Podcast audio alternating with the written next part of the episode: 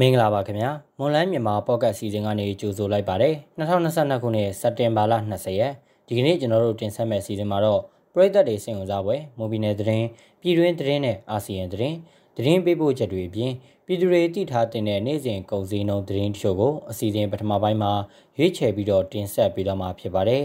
ဒါအပြင်တရုတ်မြန်မာနယ်စပ်အခြေဆိုင်လက်နက်ကိုင်အဖွဲ့9ဖွဲ့ဟာဝါပြည်သွေးစည်းညီညွတ်ရေးတပ်မတော် UWSA ဌာနချုပ်ပန်ဆန်းမှာတွေ့ဆုံခဲ့ပြီးအချင်းချင်းပူးပေါင်းဆောင်ရွက်ရေးပုံမခိုင်မာစေဖို့နဲ့မြန်မာနိုင်ငံရဲ့လက်ရှိနိုင်ငံရေးအခြေအနေတွေကိုဆွေးနွေးခဲ့တဲ့ဆိုတဲ့သတင်းပေးပို့ချက်ကိုလည်းတင်ဆက်ပေးပါဦးမယ်။ဒီကနေ့စီစဉ်မှုကတော့ကျွန်တော်ခန့်မှန်းသူကတောင်ယူတင်ဆက်ပေးတော့မှာဖြစ်ပြီးကျွန်တော်နဲ့အတူမိရန်ဘလော့ကသတင်းတွေကိုကူညီဖတ်ကြားပေးတော့မှာပါ။နားဆင်ကြတဲ့ပရိသတ်အားလုံးကိုမင်္ဂလာပါလို့နှုတ်ခွန်းဆက်တာပါရစေ။ကျွန်မမီအိုင်ဘလော့ကကိုခက်မြတ်သူနဲ့သူကူညီတင်ဆက်ပေးသွားမှာပါ။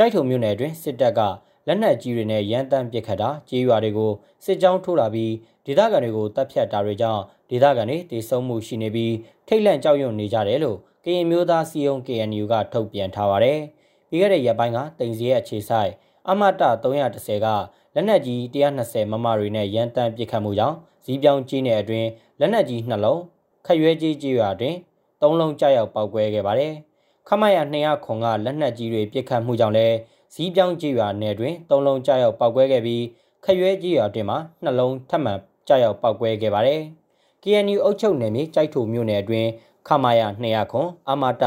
330အမတ600နှင့်ကြိုက်ထုတက်မ44ဌာနချုပ်ခလာရ2ခလာရ8ခမရ2ခမရ3ခလာရ96စတဲ့စစ်တပ်ရဲ့လက်အောက်ခံတပ်တွေရဲ့ လက်နက်ကြီးပစ်ခတ်တာတွေကြောင့်ဒေသခံပြည်သူတွေကြောက်လန့်နေရပြီးစားဝတ်နေရေးလုပ်ငန်းတွေလုပ်ကိုင်ရမှာအခက်အခဲတွေကြုံတွေ့နေရတယ်လို့ KNU ရဲ့ထုတ်ပြန်ချက်မှာဖော်ပြထားပါတယ်။မွန်ပြည်နယ်ရေးသက်မြူဆက်ကားလမ်းပိုင်းကအခြေစိုက်တပ်ရင်းတွေဖြစ်တဲ့ခလာရ106ကိုတနေ့ကညနေပိုင်းအချိန်မှာ40မမဘုံပစ်လုံချနဲ့နှစ်ချက်ပစ်ခတ်ခဲ့တယ်လို့ရေးပြောက်ကြားပြည်သူ့ကာကွယ်ရေးတပ်ဖွဲ့ YGF ကထုတ်ပြန်ထားပါတယ်။ YGF ပြောက်ကြားတပ်ဖွဲ့ရဲ့ပစ်ခတ်မှုအပြီးစစ်တပ်ကလက်နက်ကြီးနဲ့၄ချက်လောက်ပြန်လည်ပစ်ခတ်ခဲ့ပေမဲ့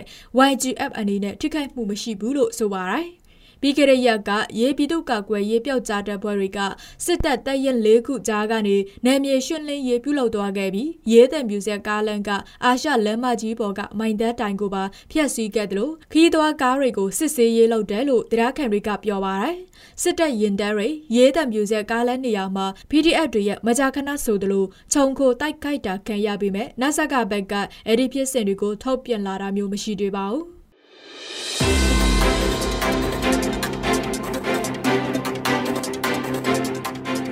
ကျွန်တော်တို့ရဲ့မွန်လန်းမြန်မာပေါ့ကတ်မြန်မာဘာသာအစီအစဉ်ကိုအားပေးနားတော်တာဆင်ကြတဲ့ပရိသတ်များခင်ဗျာကျွန်တော်တို့အတန်လွင့်အစီအစဉ်ကနေပြီးတော့ဝန်ပြည်နယ်မှာဖြစ်ပျက်နေတဲ့သတင်းတွေပြည်တွင်းငြိမ်းချမ်းရေးဖြစ်စဉ်တွေအပြင်မြန်မာနိုင်ငံသတင်းနဲ့အာဆီယံသတင်းတွေကိုအပတ်စဉ်တင်လာနေကနေတောက်ကြနေမှာည9:00နာရီအချိန် Moon News Agency Facebook စာမျက်နှာမှာဝင်ရောက်နားဆင်နိုင်ကြတော့မွန်လန်းမြန်မာပေါ့ကတ်စာမျက်နှာမှာလည်းဝင်ရောက်နားဆင်နိုင်ပါပြီအားပေးကြတဲ့ပရိသတ်များအားလုံးကိုကျေးဇူးတင်ပါတယ်ခင်ဗျာ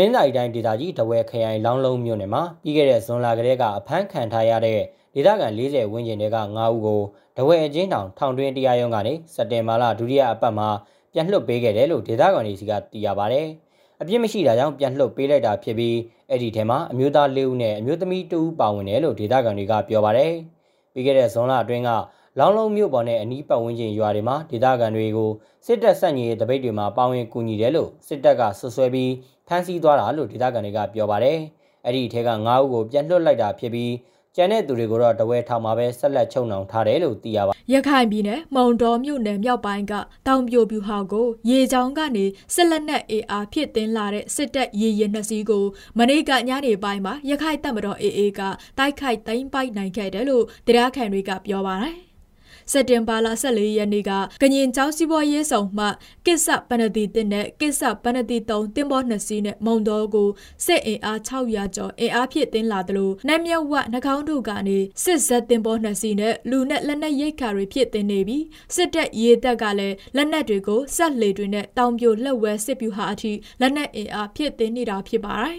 မောင်တော်မြို့နယ်အတွင်းရခိုင်တပ်မတော် AA ဘက်ကစစ်ရေးအသာစီရထားပြီးရခိုင်ပြည်နယ်နေရအနှက်မှာလည်းအခုထက်တိုက်ပွဲတွေပြင်းထန်စွာဖြစ်ပွားနိုင်တယ်လို့ ULA ပြောခွင့်ရသူဦးခိုင်ဒုက္ခကမရေကသတင်းစာရှင်းလင်းပွဲမှာပြောပါတယ်။ရခိုင်ပြည်နယ်အတွင်းမှာတိုက်ပွဲတွေပြင်းထန်လာနိုင်တာကြောင့်ဂျေးရွာအချို့မှာဘုံခိုကျင်းတွေတူထားကြဖို့ရခိုင်ပြည်သူအာဏာပိုင်အဖွဲ့ Arakan People Authority ကလိုက်လံသတိပေးနေတယ်လို့ ABA နဲ့တရားခံတွေကပြောပါတယ်။ထိုင်းနိုင်ငံကမ်ချနာဘူရီပြည်နယ် ထုံဖာပုံမြို့နယ်ထဲမှာတရားမဝင်မြန်မာတွေတဲဆောင်လာတဲ့ကားတစ်စီးဟာရဲစစ်ဆေးမှုကိုမခံဘဲမောင်းပြေးခဲ့ပါတယ်။အဲဒီနောက်မှာတော့အာဏာပိုင်တွေကနောက်ကနေလိုက်လံဖမ်းဆီးတာကြောင့်ကားသမားနဲ့ကားပေါ်မှာပါလာတဲ့မြန်မာတွေဖမ်းဆီးရမိခဲ့တာဖြစ်ပါတယ်။ဖမ်းမိတဲ့မြန်မာတွေထဲမှာကိုဗစ်ရောဂါပိုးတွေ့ရှိသူ2ဦးရှိတာကြောင့်ထုံဖာပုံဆေးရုံကိုပို့ပြီးကုသနေရတယ်လို့လိုက်ပါဆောင်ရွက်ပေးနေသူတွေထံကသိရပါတယ်။အခုဆိုရင်စက်တင်ဘာလထဲမှာ ထိုင်းတောင်ပိုင်းမှာအစုလိုက်ပြုံလိုက်ဖမ်းမိတာ9ကြိမ်လောက်ရှိသွားပြီဖြစ်သလိုလုံခြုံရေးစစ်ဆေးမှုကိုမခံယူဘဲထွက်ပြေးတာတွေကြောင့်ကားတိတ်မှောက်တာတွေလည်းမကြာခဏဖြစ်ပေါ်နေပါတယ်။ထိုင်းနိုင်ငံတွင်းမှာအထောက်ထားမဲ့တွေအတွက်ပိုင်းအောင်ကတ်လို့ခေါ်တဲ့အလုတ်လုတ်ခွင့်လက်မှတ်တွေလုတ်ပေးနေတဲ့ကာလဖြစ်တာကြောင့်မြန်မာပြည်တွင်းကအလုတ်ကန်ရှာဖွေလူသူတွေဟာနေ့စဉ်နေဆက်လမ်းတွေကနေဝင်ရောက်လာနေဆဲဖြစ်ပါတယ်။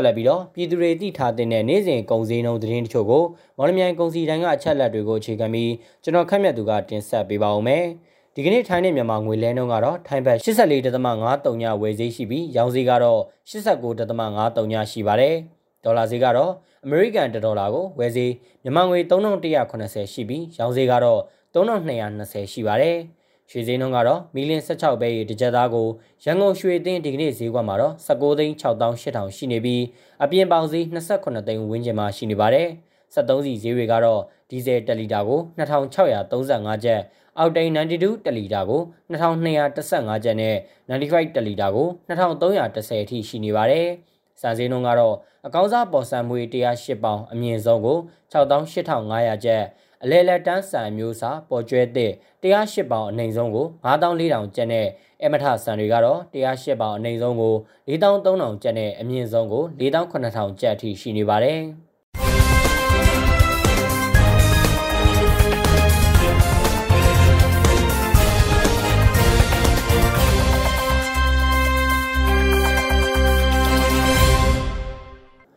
အခုတင်ဆက်ပေးသွားခဲ့တာကစက်တင်ဘာလ20ရက်နေ့မှာဖြစ်ပျက်ခဲ့တဲ့ မွန်ပြည်နယ်သတင်းပြည်တွင်းသတင်းနဲ့အာဆီယံသတင်းတွေအပြင်တနစ်တာစီစေးငွေစည်းနဲ့ကုန်စည်နှုန်းတွေကိုတင်ဆက်ပေးသွားခဲ့တာပါဆက်လက်ပြီးတော့တရုတ်မြန်မာနယ်စပ်အခြေဆိုင်လက်နက်ကင်အဖွဲ့ခုနှစ်ဖွဲ့ဟာဝိုင်းပြည်သွေးစည်းညညရေးတပ်မတော် UWSA ဌာနချုပ်ပန်ဆန်းမှာတွေ့ဆုံခဲ့ပြီးအချင်းချင်းပူးပေါင်းဆောင်ရွက်ရေးပုံမခိုင်မာစေဖို့နဲ့မြန်မာနိုင်ငံရဲ့လက်ရှိနိုင်ငံရေးအခြေအနေတွေကိုဆွေးနွေးခဲ့တဲ့ဆိုတဲ့သတင်းပေးပို့ချက်ကိုတော်တာကတင်ဆက်ပေးပါဦးမယ်။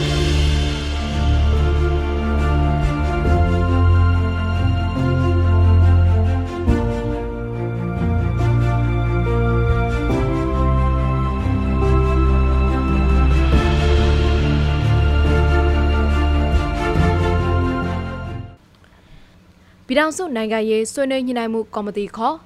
FPNCC မှာပါဝင်တဲ့တရုတ်မြန်မာနယ်စပ်အခြေဆိုင်လက်နက်ကိုင်အဖွဲ့9ဖွဲ့ဒီလ16ရက်နေ့ကပန်းစံမှာတွေ့ဆုံခဲ့ကြပါတယ်။မနေ့ကကျင်းပတဲ့ရခိုင်အမျိုးသားအဖွဲ့ချုပ် ULAA ရဲ့သတင်းစာရှင်းလင်းပွဲမှာ AA ရဲ့ဒုတိယစစ်ဦးစီးချုပ်တောက်တာညိုထွန်းအောင်က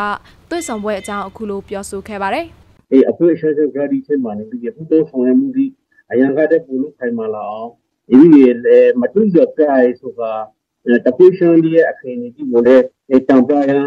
ရခိုင်ပြည်ဗမာပြည်ကအခင်းအကျင်းကိုအမြန်ဆန်းပလေဆိုပုံစံမျိုးကိုပြောခိုက်တာဒီနောက်တစ်ခုကအခုဒီ UWSA ရဲ့အပိုင်အခန်းအားလိုက်ရဲ့ဒီစတဲ့လူကောင်းဆောင်ပြီးနဲ့ကျွန်တော်တို့ပြောဒီထဲမှာပို့လို့ရရနဲ့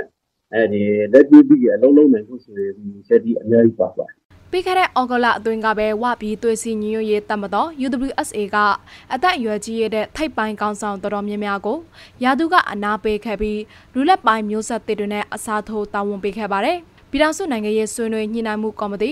FPNCC ဖွဲ့ဝင်တွေတွေ့ဆုံပွဲဟာကိုဗစ်ကပ်ရောဂါကြောင့်မတွေ့ဆုံတာကြားပြီးဖြစ်တဲ့အတွက် UWSA ကောင်းဆောင်အသစ်တွေနဲ့မိတ်ဆက်ရင်းတွေ့ဆုံတဲ့ပွဲအဖြစ်တောက်သားညိုထုံအောင်ကပြောဆိုခဲ့တာပါ။ ဒါပေမဲ့လည်းရှမ်းပြည်ကနိုင်ငံရေးလစ်လာတုံးသက်တူစိုင်းထွန်းအောင်တွင်ကတော့ဒီသွေးဆောင်ပွဲဟာဝကောင်းဆောင်တဲ့နဲ့တွေ့ဆောင်ပွဲတတ်တတ်ထက်ပိုမယ်လို့တုံ့တက်ပါတယ်။နာဆကကောင်စီကတိုင်းရင်းသားလက်နက်ကိုင်ဖွဲ့တွေအနေနဲ့လက်နက်ဆက်ကင်မယ်ဆိုရင်စစ်တပ်တာမမဟုတ်နေကြားစောက်သက်မှဝင်ရအမှုထမ်းဖို့တိုက်တွန်းတာနဲ့ဆက်ဆက်နိုင်တယ်လို့တုံ့တက်ပါတယ်။ပထမတော့ဗျာသူစစ်တပ်ကပြောတာတော့လွတ်လွတ်လပ်လပ်ဆွေးနွေးပြောတယ်ပြီးတော့သူ2008ခြေကဥပဒေတော့နေကြားဆောင်တော့ပြည်သူစစ်တော့အဲ့ဒီ schedule ဟို 1နဲ့2ကိုစဉ်းစားခဲ့ဥမာ2008ချိန်ကဥပဒေဇယားတွေကိုစဉ်းစားခဲ့တဲ့အချိန်မှာသူနည်းနည်းလေးကိုယ့်ရုပ်ကာယဖြစ်သွားပုံပေါ်တယ်နော်သူတို့ကနည်းနည်းပါးပါးစုပြီးမှဟိုရက်ချင်တဲ့သဘောရှိတာပေါ့နော် FPNCC မှာပါဝင်တဲ့ UWSA ဝ NDAA မိုင်းလာနဲ့ SSPB ရှမ်းပြည်တိုးတက်ရေးပါတီတို့နာဆကကောင်စီကဖိတ်ခေါ်တဲ့ငြိမ်းချမ်းရေးဆွေးနွေးပွဲမှာပါဝင်တက်ရောက်နေတဲ့အဖွဲ့တွေဖြစ်ပါတယ်။ဒီလ23ရက်နေ့ကလည်းပန်းစံမှာသူတို့သုံးဖွဲ့တွေ့ဆုံဆွေးနွေးခဲ့ပါတယ်။ ဒီတုံးဖွဲ့ဟာမြန်မာစစ်တပ်ဘက်ကတိုက်တွန်းနေတဲ့တိုင်းသားလက်နက်ကန်ဖွဲ့တွေနေကြားစောက်တက်မှာပါဝင်ရေးကိုလက်ခံမဲ့ပုံမရှိကြောင်းနိုင်ငံရေးလှစ်လာတုံးသက်သူတဦးဖြစ်တဲ့ဦးတန်းစုနိုင်ကတုံးသက်ပါတယ်။အခုကကြခိုင်မှာပြန်ပြီးတော့တိုက်ပွဲစနေပြီ။ကြခိုင်မှာအဲ့လိုဖြစ်တယ်ဆိုလို့ရှိရင်တို့ညီနောင်သုံးဖို့ပေါ့ဗျာ။ကူကနေကျွန်တော်တန်းကလည်းလှုပ်ရှားမှုစလာလိမ့်မယ်လို့ထင်နေဗျ။အခုက NUG ကလည်းဒီလုံးပူးစစ်စဖို့အတွက်ညီနိုင်ဆက်ဆက်နေတဲ့အချိန်ဖြစ်တာကို KIG ဆိုလို့ရှိရင်တော့ NUG နဲ့ပေါင်းစပ်ပြီးတော့လက်တွေ့လှုပ်ရှားနေတဲ့အဖွဲ့အစည်းပေါ့ဗျာအဲ့လိုအခြေအနေမှာပါဝင်လှုပ်ရှားလာမယ့်အင်အားစုတွေအပေါ်ဟောသူတို့ဘယ်လိုသဘောထားနေပါလဲဆိုဒီစားချုပ်ကြလိမ့်မယ်လို့ထင်ပါတယ်သဘောထားတစ်ခုတော့ရှင်းရှင်းလင်းလင်းတော့သူတို့သိအောင်လုပ်ကြလိမ့်မယ်ထင်တယ်မြန်မာနိုင်ငံတော်ဝန်တိုက်ပွဲတွေပြန်ပြီးများလာတဲ့အနေအထားပေါ်မှာသဘောထားအမြင်တွေတွေ့ဆုံဆွေးနွေးတာဖြစ်နိုင်တယ်လို့လည်းသုံးသပ်ပါတယ်။ တရုတ်မြန်မာနယ်စပ်အခြေဆိုင်ပြည်ထောင်စုနိုင်ငံရေးဆွေးနွေးညှိနှိုင်းမှုကော်မတီ FPNCC မှာ UWSA ဝ NDAA မိုင်လာ KIA ကချင် SSBB ရှမ်းမြောက် TNLA တအံပလောင် MNDD ကိုကန် AA ရခိုင်စတဲ့လက်နက်ကိုင်အဖွဲ့တွေပါဝင်ပါတယ်။အဲ့ဒီဖွဲ့ခုနှစ်ဖွဲ့ဟာမြန်မာစစ်တပ်နဲ့တနိုင်ငံလုံးပြစ်ခတ်တိုက်ခတ်မှုရက်စက်ရေးစာချုပ် NCA ကိုလက်မှတ်မရေးထိုးထားပါဘူး။ဒါပေမဲ့လည်း UWSA ဝ NDAA မိုင်လာ SSBB ရှမ်းမြောက်အဖွဲ့တွေဟာလက်ရှိနောက်ဆကကောင်စီကကျင်းပနေတဲ့ငြိမ်းချမ်းရေးဆွေးနွေးပွဲကိုအခြား NCA လက်မှတ်ရေးထိုးထားတဲ့အဖွဲ့ခုနှစ်ဖွဲ့နဲ့အတူပါဝင်တက်ရောက်နေကြောင်းလည်းသိရပါတယ်ရှင်။